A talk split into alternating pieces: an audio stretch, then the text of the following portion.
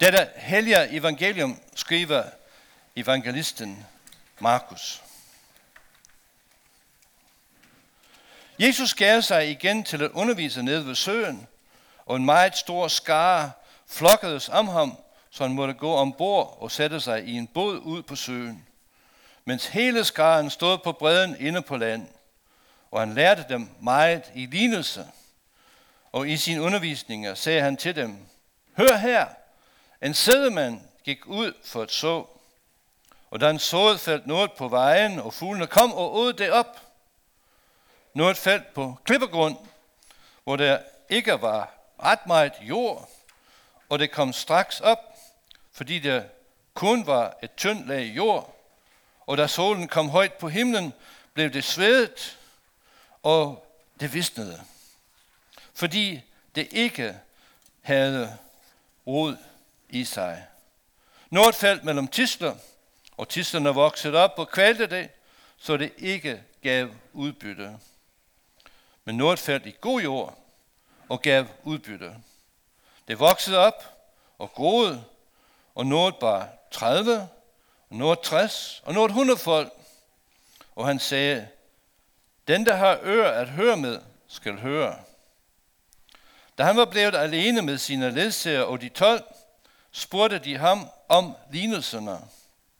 Og han svarede dem, til jer er Guds riges hemmelighed givet, men til dem udenfor kommer alt i lignelse, for de skal se og se, men intet forstå.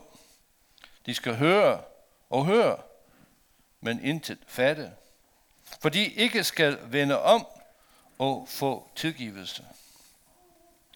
Og han sagde til dem, forstår I ikke denne lignelse? Hvordan skal I så kunne forstå de andre lignelser?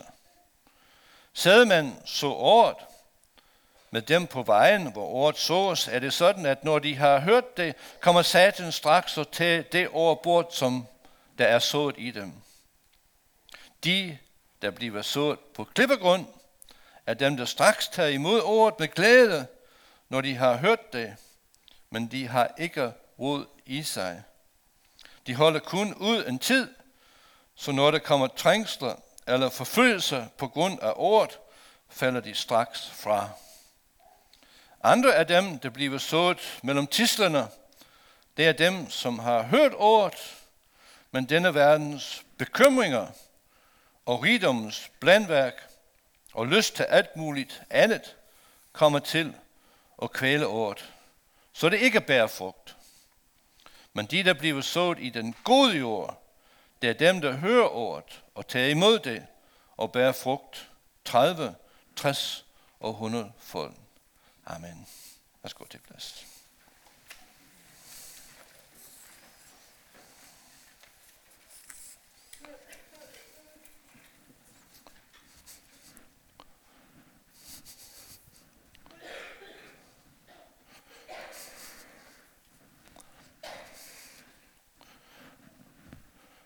Den gode jord at forstå. Jeg har forsøgt at lave nogle billeder her. Og her har vi en mand, der går ud og så øh, på en mark. Det ser ud til at være rimelig god bonitet i det jord, han så i, og det er en hund, og det er en, der går med hestevognen bagved og pløjer og gør marken klar. Og vi har et billede af Gud, der så over, og han så rigeligt rundt om. Og her er et sted i Israel omkring Nazareth, tror jeg, som Jesus måske har set mange gange, hvor de forsøger at dyrke jorden i terrasser. Og der kan man se, at det er stiger, og det er stendiger, og der er også nogle steder, hvor jorden ser rimelig godt ud. Og det er nok ikke de store maskiner, man kan bruge på det mark der. Og her har vi fire forskellige slags jord. Uh, måske er det godt nok alle sammen men den i midten der, det ligner meget grus. Uh, og det er nogen, nogen det, vi har ude hos os mange steder. Og her er en, der holder noget god jord, og der kan man dyrke noget rigtig meget i. Og der kan man se lidt tættere på noget af det gode jord. Det er lidt sand, og så lidt blanding og organisk materiale og så videre i det. Og her har vi også noget andet god jord. Også et sted, hvor det er god jord, klar til at dyrke. Og så endelig har vi et paradis, der stikker op. Og uh, i det gode jord.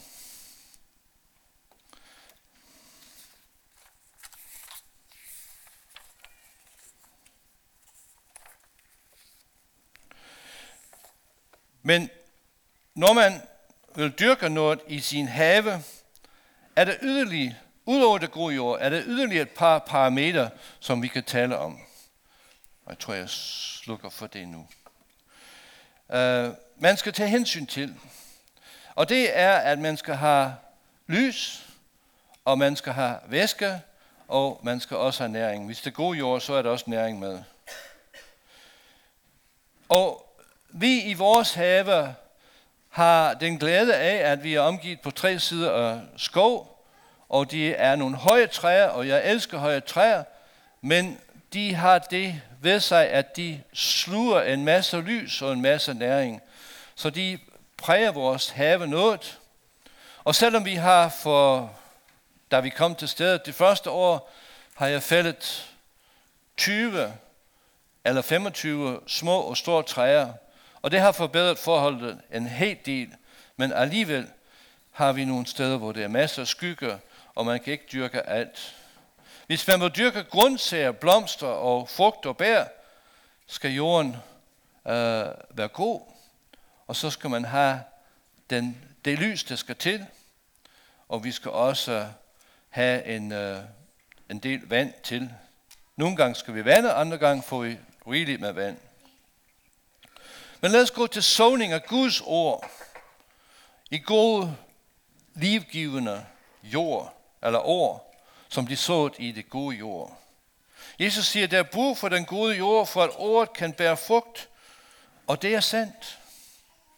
Den gode frø, altså Guds ord, sået i den gode jord, har brug for lys og væske i ret mængde, for at kunne blive til noget. Det vil sige, vi, der tror på Jesus, vil gerne være som den gode jord og bære frugt til hans rige. Og han har, vi har stadig, til stadig brug for næring. Og det er også en af grundene til, at vi møder op her i dag for at få næring. Vi har brug for himlens lys, der lyser på os og i os. Ikke alene har vi brug for at være fri for det meget krat, der kan omgive os og kvæle vores frugtbarhed som kristne. Vi har brug for Guds lys og al den næring og hjælp, det kristne fællesskab har at byde på. Vi har brug for, at ordet vokse i os og få de allerbedste betingelser. Så vil ordet bære frugt i os og igennem os og omkring os. Ordet skal have næring, lys og vækst, væske. Vi må give plads til, at ordet kan gøre sit værk i os og gennem os. På den måde kan vi være frugtbare for Herren. Jesus talte i lignelse, som han forklarede for hans nærmeste og disciplerne omkring sig.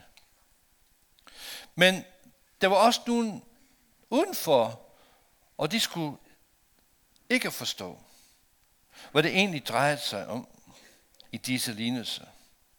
Og det er måske især farisæerne og det skriftklog, som Jesus hentyder til her, som ofte var hans modstandere, og ofte var dem, der abonneret imod ham.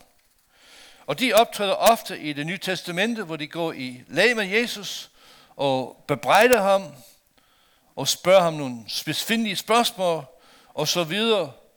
Og rigtig nogle drillerpinde, men med onde hensigter mange gange. Og de skal høre og høre, men intet forstå, og se og se, men alligevel ikke kunne se sammenhængen i det. Men det er troen, der giver sammenhængen i tingene. En har sagt til mig en gang, at da han kom til tro på Jesus, var det som om et slør blev løftet fra hans sind, og han var begyndt at forstå meget bedre, både åndelige sammenhænge og meget andet.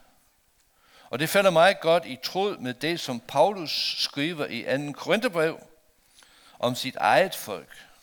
Han skriver, at der ligger et slør over deres hjerter, når Moses læses op, altså det gamle testamente. De første fem bøger hedder Moses bøger. Og han fortsætter, men hver gang en vender om til Herren, en af disse jøder, en af disse ikke-troende, tager sløret bort. Og han siger yderligere, Herren er ånden, og hvor Herrens ånd er, der er der frihed. Vi taler så meget om frihed, hest og her og alle steder, men der er der frihed. Og Paulus skriver, at der er et slør for øjnene for mange jøder og andre, så de ikke rigtig kan forstå Herrens plan for deres liv. Man får først evnen til at forstå ved troen. Det er troen, der åbner vores øjne. Det er troen, der skaber de gode kror, troens ord har brug for, for at bære frugt. Det er troen på Jesus og hans fuldbragte værk, der er troens kerne, som kan spire i os og bære en megen frugt til evigt liv. Forblindelse og hørhemmethed, som Jesus hentyder til, skal ikke være vores skæbne.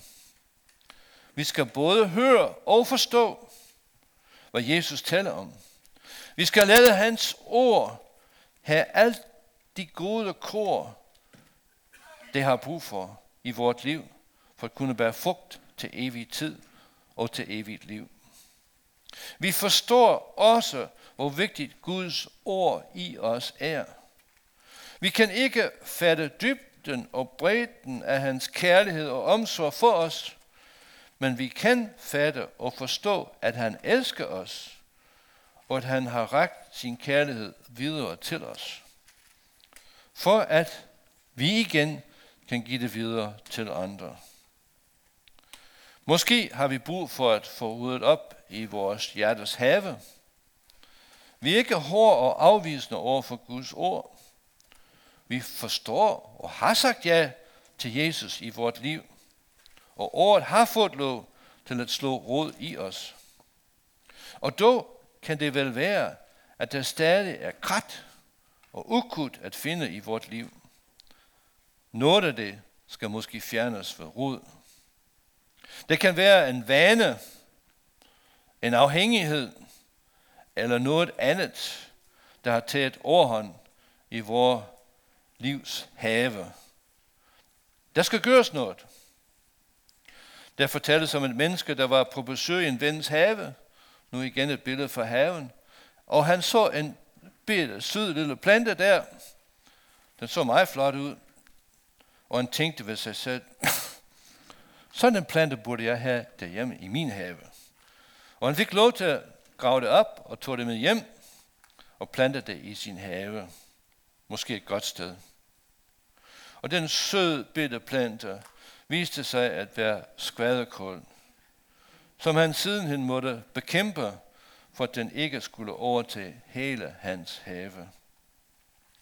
Skvaderkål er en meget effektiv planteart, der breder sig både med rødder og frø, og kan indtage store områder på et relativt kort tid. Og selvom alle planter har deres gavnlige formål, og munkerne, der i sin tid indførte skvaderkål som en gavnplante i deres have, opfatter vi det i dag som en ihærdig form for ukrudt. Vi har i vores have, vi har dog stadigvæk en masse skvaderkål nogle steder. I vores livshave har vi ikke plads til ret meget skvaderkålagtigt noget. Ret længe af gangen. Hvis vi skal dyrke andet end skvaderkål, brændenille og vilde brombær, og så kan vi spørge os selv, hvad har vi lyst til at have i vores hjertes have? En kollega skrev, har skrevet, den gode jord er der, hvor vi tager imod Guds ord og bærer frugt. Her får året lov til at slå rod.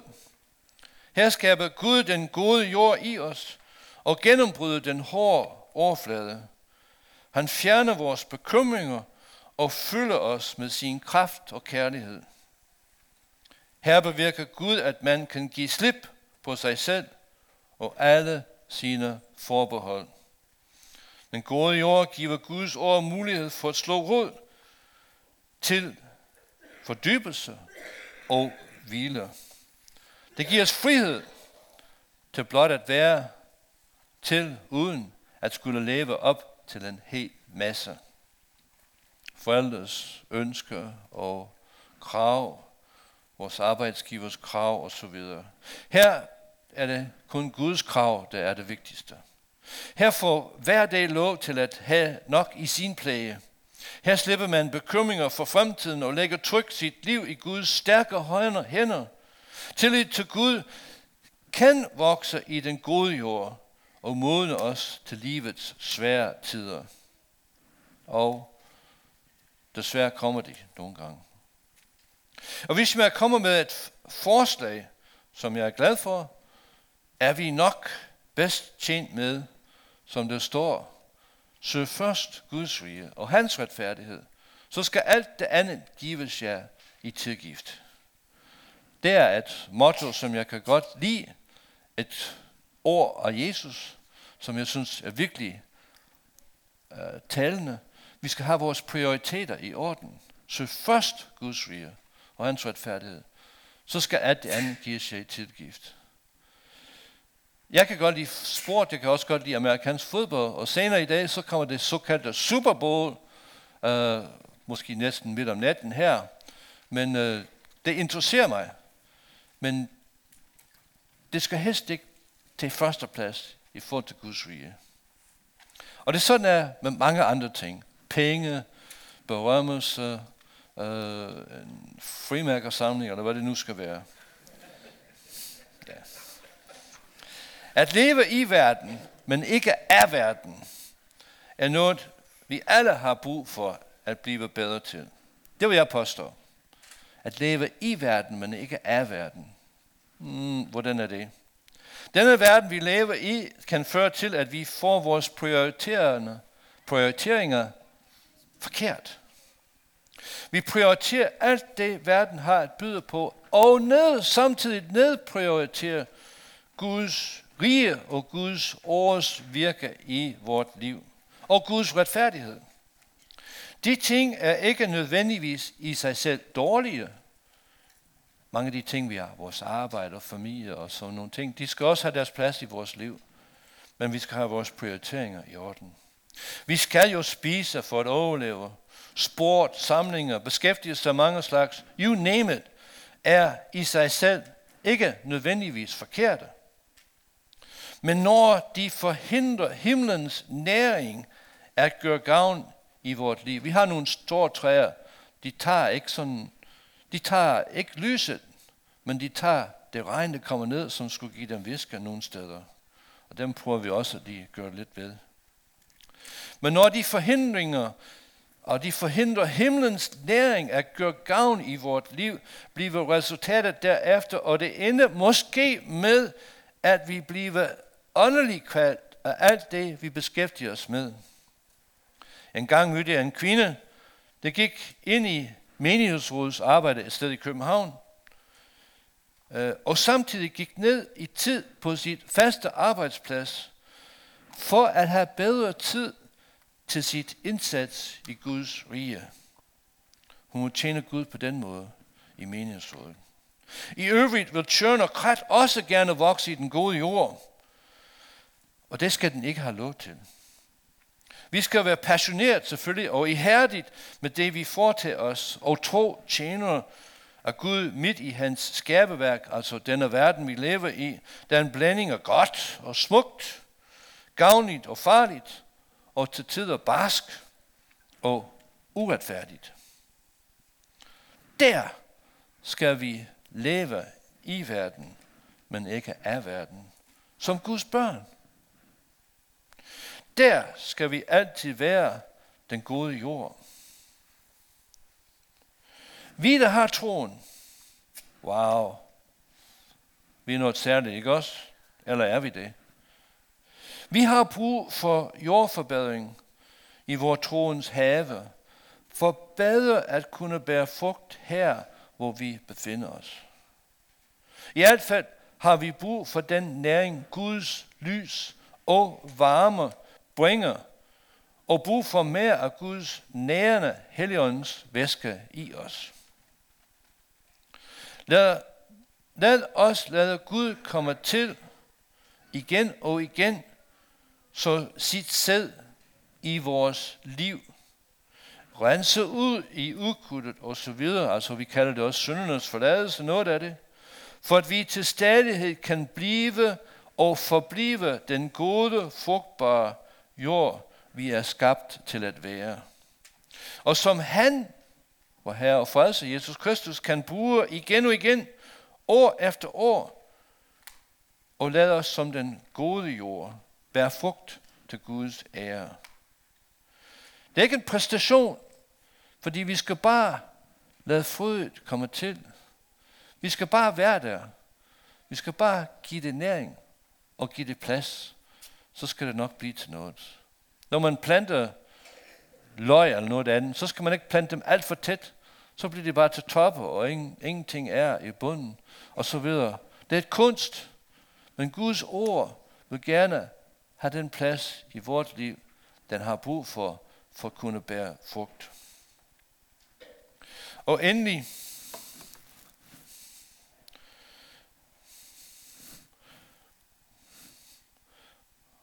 vil jeg gerne sige det her. Det er et sted for salmenes bog. Forstå, at Herren er Gud. Forstå, at Herren er Gud. Han har skabt os, og ham hører vi til. Vi er hans folk, og de får, han vogter. Amen. Lad os bede. Himmelske Far, vi takker og lover og priser dig. Vi takker dig for alle de mange ting, du har givet os. Vi takker dig for din kirke, din menighed, hvor vi kan samles for at ære dig, for at have fællesskab med hinanden, og for at høre, hvad du vil sige til os, her. Åbne vores hjerter. Lad det være gode jord for din sæd, der er sået i os. Bed også, at du vil Peter, som er nu taget til England for at være med i uh, ære lederskabet møder derovre. Velsigne ham og hjælp ham, når han kommer tilbage. Bed også for alle, som har brug for at høre dit ord, og hjælp os til at blødgøre os og gøre vores stenhjerte til bløde hjerte, som kan bære frugt i dit rige. Vi beder for de mange kristne, der bliver forfulgt rundt omkring i hele verden, enten i Iran, eller Nordkorea, og mange andre steder her. Hvor folk vil ikke, alene ikke tåle, eller ikke kan høre dit ord, og er ligesom stengrund, men de sågar også forfølger dem, der har taget imod dit ord, og lad det vokse i deres liv. Bed at du vil forsigne de syge og sårfyldte. Giv dem det hjælp og trøst, de har brug for beder også, at du vil øh, hjælpe alle, som vi kender, der har brug for din hjælp. Amen.